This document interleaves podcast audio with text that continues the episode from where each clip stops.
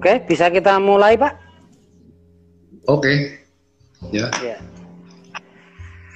Selamat pagi yang bergabung, teman-teman semuanya. Terima kasih buat Bapak Ariwanto yang meluangkan waktu. Ya, kalau saya sih Sabtu agak longgar, makanya cari pekerjaan sambil ini ya. Ceritanya begitu, Pak Ariwanto. ya, anu, follow saya. Yeah. Nanti akan banyak hal hidroponik maupun bank sampah itu nanti bisa ada di YouTube-nya Pak Riwanto nanti mungkin bisa jelaskan lebih lanjut.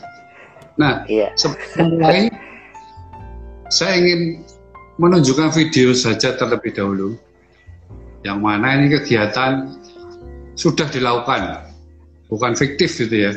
Ini benar-benar berdampak bagi sosial masyarakat dan kantong masing-masing mungkin lebih tepatnya begitu. ya. Karena yeah. ini tidak bisa menampilkan video, saya syuting aja begitu ya. Yang simpel aja. Nah. Mohon maaf kalau suaranya agak pelan.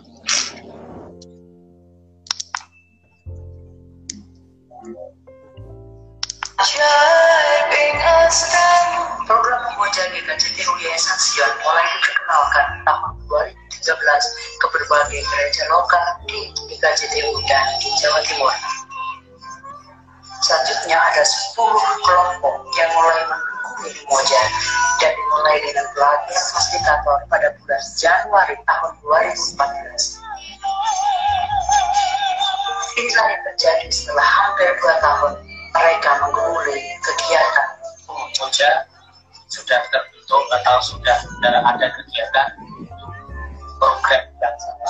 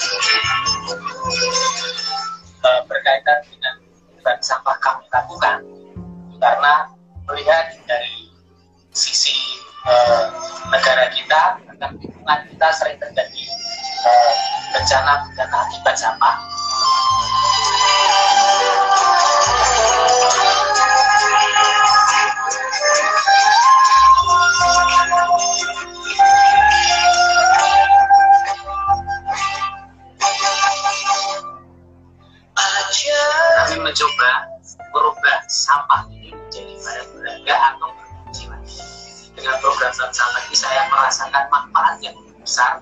Yang pertama kebersihan, yang kedua bisa menabung menghasilkan uang, bisa melihat pemandangan yang lebih indah lagi. Sebelum kegiatan ini, kami membuang sampah di sembarang tempat sehingga menimbulkan uh, bau kami sebagai produksi sangat-sangat kami juga ingin kerjasama mengenai tentang kebersihan semoga masyarakat khususnya untuk bisa mengelola sampah sehingga kita ekonomi masyarakat. Kita punya harapan supaya masyarakat bisa ini supaya uh, hidup kita menjadi sehat. Saya berharap program dan sama ini bisa dikenal seluruh uh, masyarakat, khususnya uh, lingkungan ataupun gereja yang seluruh dunia, sehingga terciptalah kesehatan, keindahan itu uh, bisa kita rasakan. Sahabat-sahabat saya di mana pun berada yang terkasih, saya ingin melanjutkan video yang kemarin tentang program tetap bisa mangan sekali.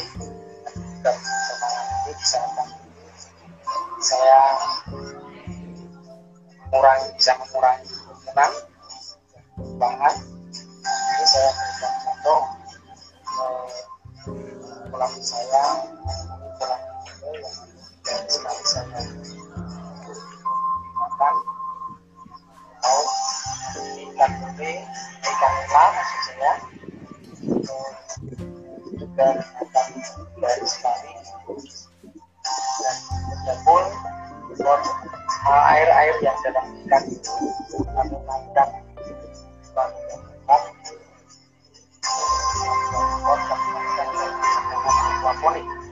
dan maaf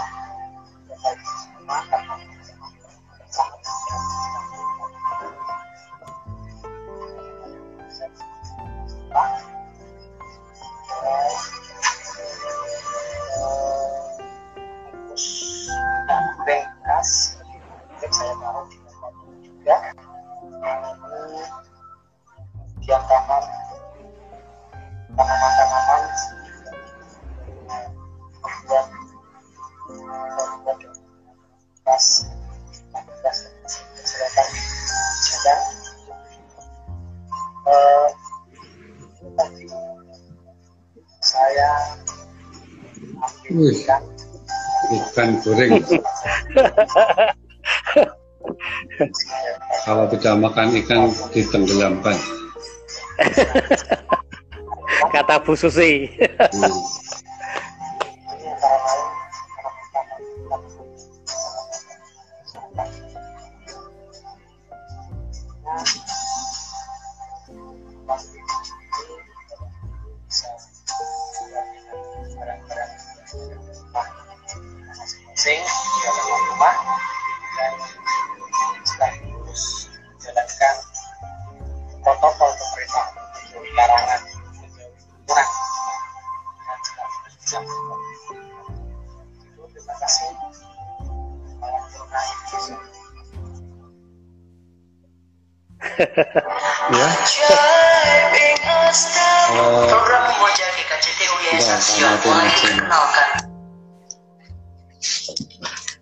Ya, itu videonya sebenarnya ada 20, cuman kalau tak putar semua, semua kan tidak jadi ngobrol bareng, nanti malah jadi nonton bareng ya. betul, betul Pak, betul Pak. Mohon maaf kalau suaranya anu lep- Iya. terlalu pelan mungkin tadi ya. Tapi saya Iya, pikir tidak apa. message-nya masuk lah begitu Pak Riwanto ya. Iya, iya, begitu. Saya mau tanya dulu Oke. Pak Riwanto, Iya. apa sih itu Umoja gitu loh? Ya, sih? selamat pagi. Ya, selamat pagi. Salam sehat selalu. Terima kasih Pak Oniel sudah mengundang saya di media ini. Suatu kehormatan yang luar biasa bagi saya karena saya diberi Sama Pak, kesempatan untuk diberi kesempatan untuk memberi sedikit inspirasi. Mudah-mudahan ini bisa bermanfaat. Baik, pertama-tama eh, memang CCM Umoja itu Umoja itu dari kata eh, Swahili Afrika yang artinya itu bekerja sama satu dengan yang lainnya. Jadi antar Mhm. kita eh, di model eh, kerjasama yang bagus antar tim. Nah, di situ kira-kira kurang lebih penjelasannya tentang Umoja. Oleh karena itu, dalam kebersamaan Umoja ini dibangun suatu eh, kerjasama yang bagus dan selalu antusias mengerjakan secara bersama-sama, tidak dengan iri atau eh, pilih kasih gitu. Kurang lebihnya begitu, Pak. Dan semangat jangan lupa gitu Pak ya. Iya, betul. penuh semangat. Iya, betul, Sebelum- betul, Pak. Melangkah selanjutnya saya ingin menjelaskan profil ya dari Pak Riwanto ini. Ya. Pak Riwanto saya kenal cukup lama dari tahun berapa Pak Ri? 9 Wah. 2000-an, Pak. Nah, beliau termasuk yang mengajari saya nyetir. Sehabis ya, dia guru saya nyetir itu. Jadi dia mengajari saya dengan mempertaruhkan nyawa gitu. Karena saya itu belajar nyetir, beliau yang mengajari saya gitu ya. Saya masih ingat kan handrem ketika saya nyetir gitu ya. Iya. Karena takut menuju ke hati. Nah, Pak Ariwanto status masih sama, dia sebagai driver gitu ya. Tapi makna ya. driver menurut saya ini luar biasa karena bisa mendrive, bisa mengatur teman-teman dan komunitasnya menjadi lebih baik gitu ya. Dan memang memang real kalau ada yang butuh sopir untuk diajak ke Papua mungkin mengajak Pak Ariwanto Kemudian Pak Ariwanto suami dari satu istri ya sama seperti saya gitu ya. Ibu ini semoga mendengarkan juga. Salam hormat buat ibu Riwanto. Kemudian anak dua. Satu Ella ya namanya. Iya yeah, betul. Ella, lulusan dari Beijing ya. Iya betul. Beijing. Saya saya cuma mampir dulu nggak pernah tinggal di sana gitu ya. Kemudian yang kedua putra ya. Iya betul. Dua anak ini sangat berkontribusi juga dengan lingkungannya. Nah betul pak. itu profilnya. Mungkin Pak Riwanto bisa menambahkan karena profilnya sedikit sekali menurut saya. Ya itu saya kira sudah cukup Pak Niel gitu ya. uh, itu nah. memang sudah benar. nah kembali ke Umoja tadi Pak ya. Iya. Ini kan beberapa aktivitas itu kan sebelum corona ya. Iya betul Pak. Ya juga dulu ada parade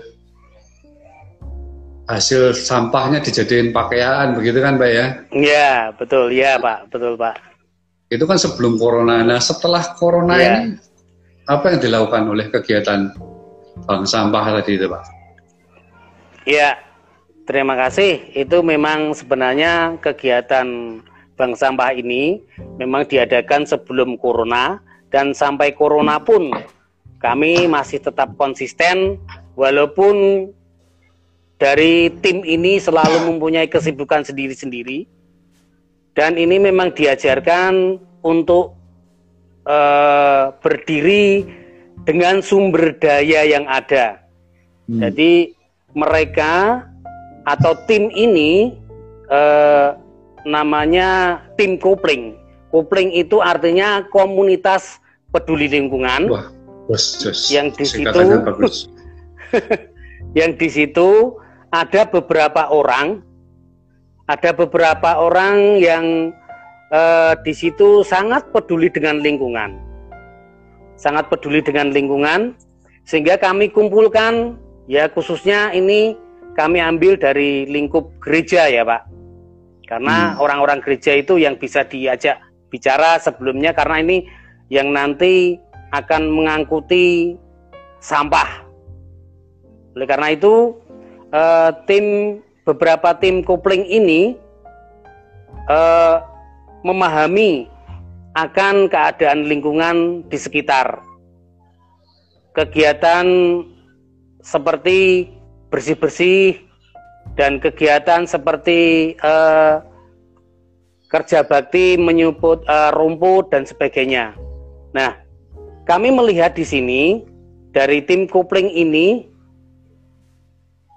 um, melihat kenapa kok sampah ini kita punguti, sampah ini kita ambili itu pengertian kami selama ini banyak bencana alam yang diakibatkan oleh yeah, sebagian sampah. ulah manusia yang tidak bertanggung jawab seperti membuang sampah, menebang kayu di hutan sembarangan. Maka dari itu saatnya kita berperan memelihara alam lingkungan agar tetap bisa bersahabat sehingga manusia bisa tetap hidup berdampingan selamanya. dan tidak ada lagi bencana alam. Nah, kopling juga memberikan sedikit pengertian tentang manfaat sampah jadi berkah bukan jadi bagus. musibah. Bagus, nah, bagus. Hal ini uh, saya praktekkan dulu waktu pada tahun 2010 saat itu saya masih bergabung bersama Pak Otniel di kantornya. Hampir setiap pulang kerja saya membawa ya, sebagian ya, sampah dari kantor dengan ikut nebeng mobilnya Pak Otniel sampai ke rumah. Masih ingat Pak Otniel mungkin. Mobil sampah. Iya, sampah ini saya kumpulkan di rumah dan setelah terkumpul saya jual ke pengepul. Nah, kemudian tahun 2013 saya mencoba seperti yang saya katakan tadi mencari uh, teman-teman tim yang lebih banyak lagi. Dan itu digabung uh, warga gereja makin banyak dan kami sekelompok uh, kami ini membuat organisasi yang saya katakan tadi organisasi kecil yang bernama komunitas peduli lingkungan itu. Dan juga kami mendapat bimbingan dari sebuah LSM Yayasan Sion Salatiga. Nah, dari sini kemudian organisasi kopling ini membuat sistem pengumpulan sampah seperti model bank. Hmm. Tetapi ini beda dengan bank-bank terkenal yang hanya mengumpulkan uang. Ini sampah ya. Di bank kami, ya, di bank kami ini orang bukan menabung dengan uang, tetapi dengan sampah yang mereka kumpulkan di sekitar rumah dan di lingkungan mereka uh, tinggal di dusun kami. Nah, hmm. dalam hal ini uh, sementara itu pengertian tentang uh, bank sampah dan ini memang dibangun tadi dikatakan kerjasama yang baik. Begitu Pak O'Neill. Nah, itu setiap warga berarti setor ke Bapak gitu ya? Setor ke bank uh, sampah itu? Iya Pak. Iya betul, betul, betul Pak. Kemudian dihargain Pak atau sekedar setor aja atau diberi nilai nol rupiah? Ah, nasabah atau e, warga datang membawa sampah, kemudian sampah itu dibawa ke bank kami atau depo kami, kami timbang. Setelah kami timbang, itu sampah campur. Terus kami timbang per kilonya dihargai 750. Itu per kilonya. Hmm. Semua sampah. Pengertian nah, sampah campur ini apa, Pak? Termasuk yang apa? busuk-busuk itu atau enggak atau yang eh, oh, yang tidak, bisa diolah? Tidak. Apa? apa bisa gitu? diolah, yang bisa diolah. Ya, plastik. yang bisa diolah, Pak. Ya, plastik. Pokoknya yang busuk kami sementara belum bisa menerima karena penampungannya belum ada. Rencana hmm. ke depan kami akan mengumpulkan semua sampah. Semua yang busuk, yang tidak busuk, semua kami tampung. Begitu, Pak. Berarti sementara Dan, uh, saya kardus gitu pak ya mungkin ya iya betul betul betul itu pak hmm. dan setelah warga itu men, uh, membawa sampah ke bank kami mereka uh, saya kasih buku tabungan dengan nominal seberapa berat itu kali 750 gitu ya, ya, ya. itu di kebanyakan dari desa situ aja pak ya atau sudah ya. ngambil dari desa lain? Uh, sementara ini desa uh, desa kami dan ada beberapa wilayah, cuman dengan tergendalanya apa akomodasi pengambilan uh, sementara kami belum bisa kecuali mereka diantar mereka antar ke tempat kami. Hmm. Ini testimoni saya sendiri ya. Anak ya. saya tuh berubah menjadi peduli lingkungan gara-gara bang sampahnya Pak Riwanto. Betul, luar Jadi biasa. Sekarang, Cuman kalau membuang sampah, sekarang pasti ingat gitu loh. Ini buat Pak Riwanto gitu. Jadi kalau buat Pak Riwanto tuh biasanya kan bungkus makanan, pasti kardus itu iya. pasti kita sediakan kardus sendiri. Ya, iya, meskipun iya, betul lah, ya. Tapi iya. diambil sama sama-sama to gitu ya. Cuman kayak cicit ini saya cukup seneng gitu loh. Ya. Iya, betul. Karena yang ada di tempat sampah itu benar-benar yang busuk. Yang bisa iya, direcycle. Itu diambil iya. Pak Riwanto, tapi Pak To yang lain ini pengertiannya. Karena Pak Riwanto jauh nggak pernah asal tiga lagi gitu ya. Nah, terima kasih untuk drive-nya ke anak saya Pak Riwanto gitu ya. Nah, Sama-sama Pak. Ceritakan Pak, prestasi kopling mungkin. Saya pernah lihat Baik, Pak Riwanto foto Pak. sama bule-bule gitu. Cuman saya rambutnya kok nggak ikut. Baik Pak, pertama-tama uh, kopling ini kami launchingkan uh, bank sampah kopling ini di tingkat kampung naik ke tingkat desa dengan mengikuti kegiatan karnaval HUTRI waktu itu yang ke-70 tahun 2015 tahun lalu. Dengan memberikan penampilan sebagian hasil kreasi-kreasi sampah dari daur ulang yang dibuat oleh teman-teman kami dan juga di situ memberikan contoh gambaran penerima manfaat nasabah. Awalnya kami hanya berharap supaya bisa mensosialisasikan ke masyarakat pada umumnya tentang pentingnya menjaga kebersihan lingkungan di rumah dan di sekitar kita. Untuk bisa dikumpulkan dan ditabungkan bukan hanya di tempat kami, cuman bisa membuat eh, bank-bank uh, sendiri gitu Pak. Bersyukur sekali malah dari panitia karnaval memberikan nilai plus yaitu sebuah penghargaan sebagai juara tiga bagi tim kopling ini di tingkat hmm. desa. Hmm. Padahal itu lawannya lebih kreatif lagi, tapi tidak dengan sampah. Nah, oh. yang kedua, yang kedua pada tahun 2016 kami dipercaya oleh desa untuk mengelola bantuan armada dari kabupaten berupa satu unit sepeda motor Tosa roda tiga hmm. sebagai sarana pengumpul sampah. Itu, Pak.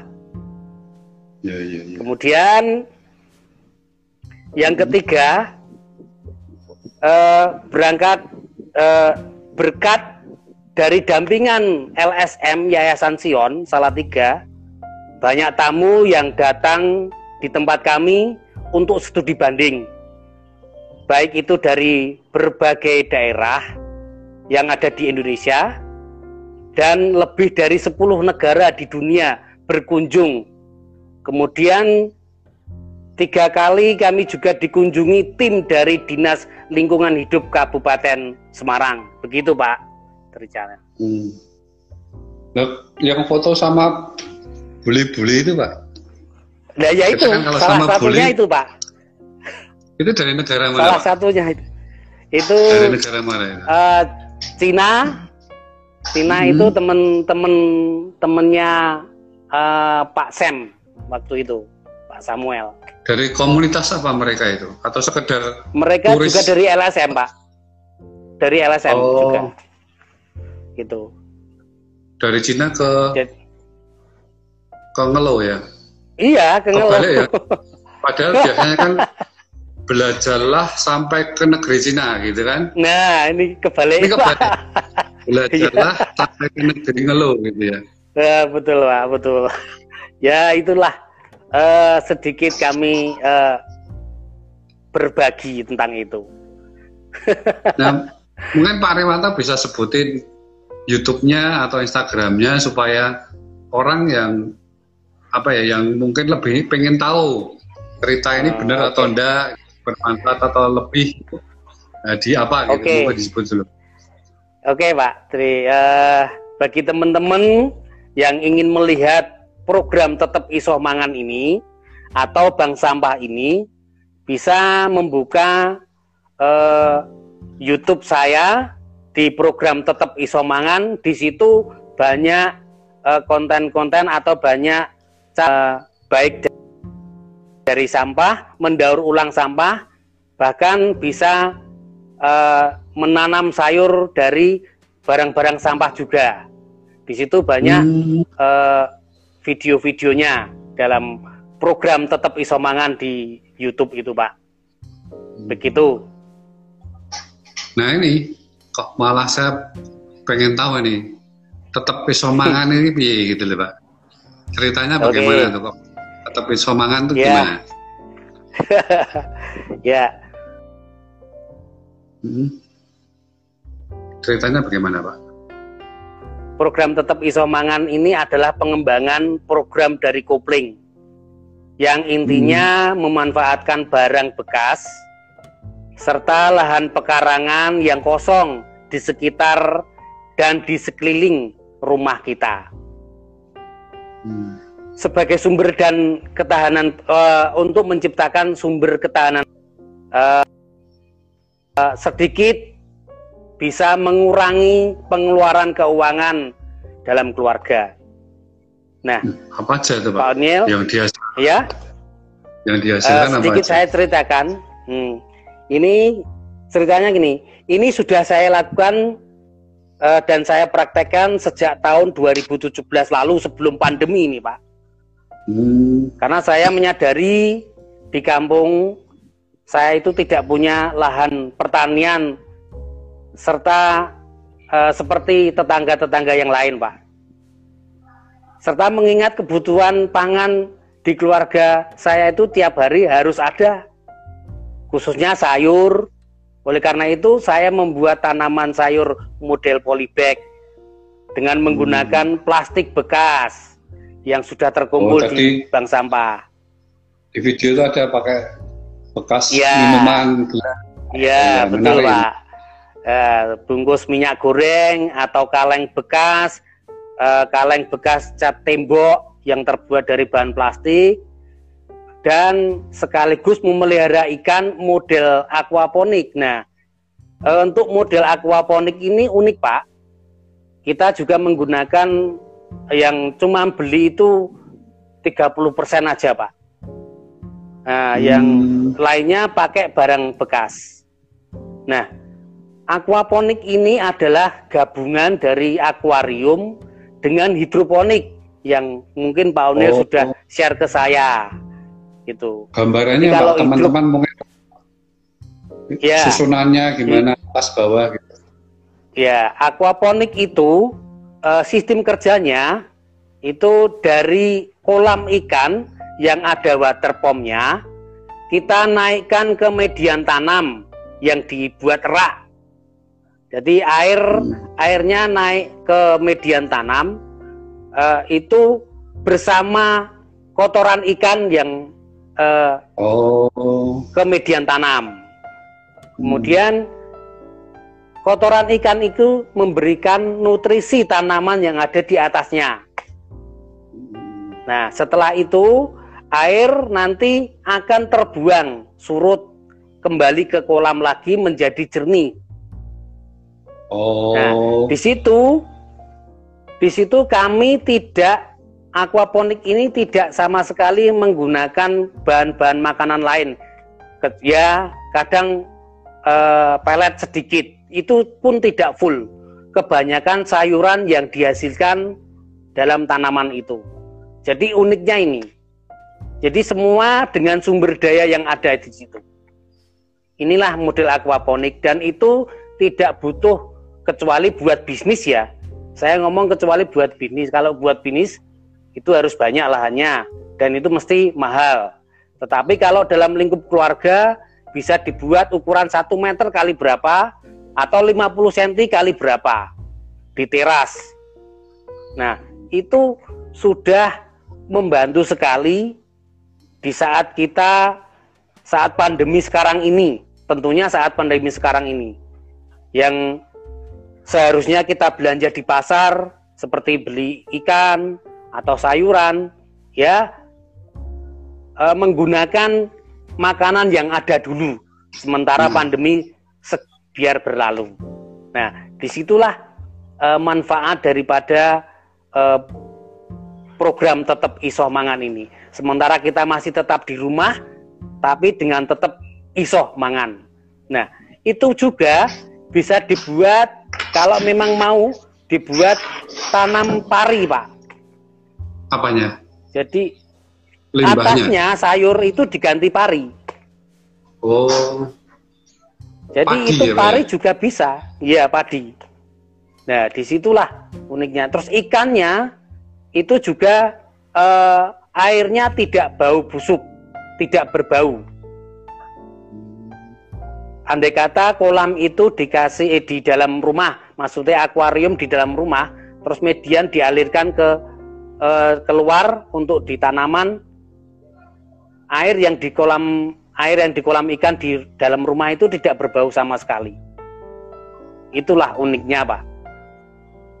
Jadi ikan ini apa pun, sangat Pak. Itu lila, nih, pokoknya kan, air tawar. Lele biasanya kan baunya kurang sedap. Itu bisa nah, juga. Le, bisa. Hmm. Coba Pak Onil buktikan nanti atau datang ke tempat saya atau teman-teman bisa datang ke tempat saya.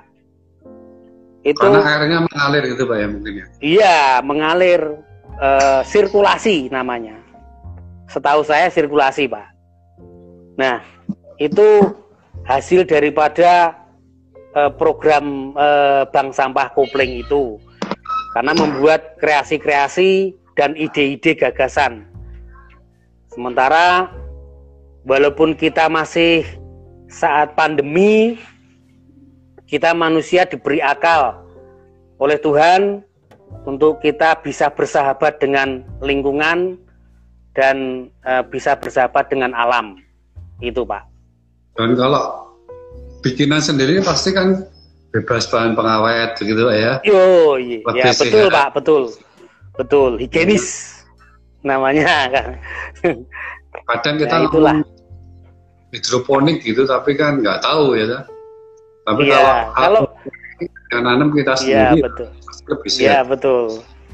Kalau model hidroponik itu semua bahan bes, uh, beli pak, baik hmm. dari pupuk, terus bahan-bahannya juga hmm. itu tiap hari, eh, tiap satu bulan sekali mesti beli. Ter mungkin mungkin kalau bagi mereka yang mampu mah bisa lah pak.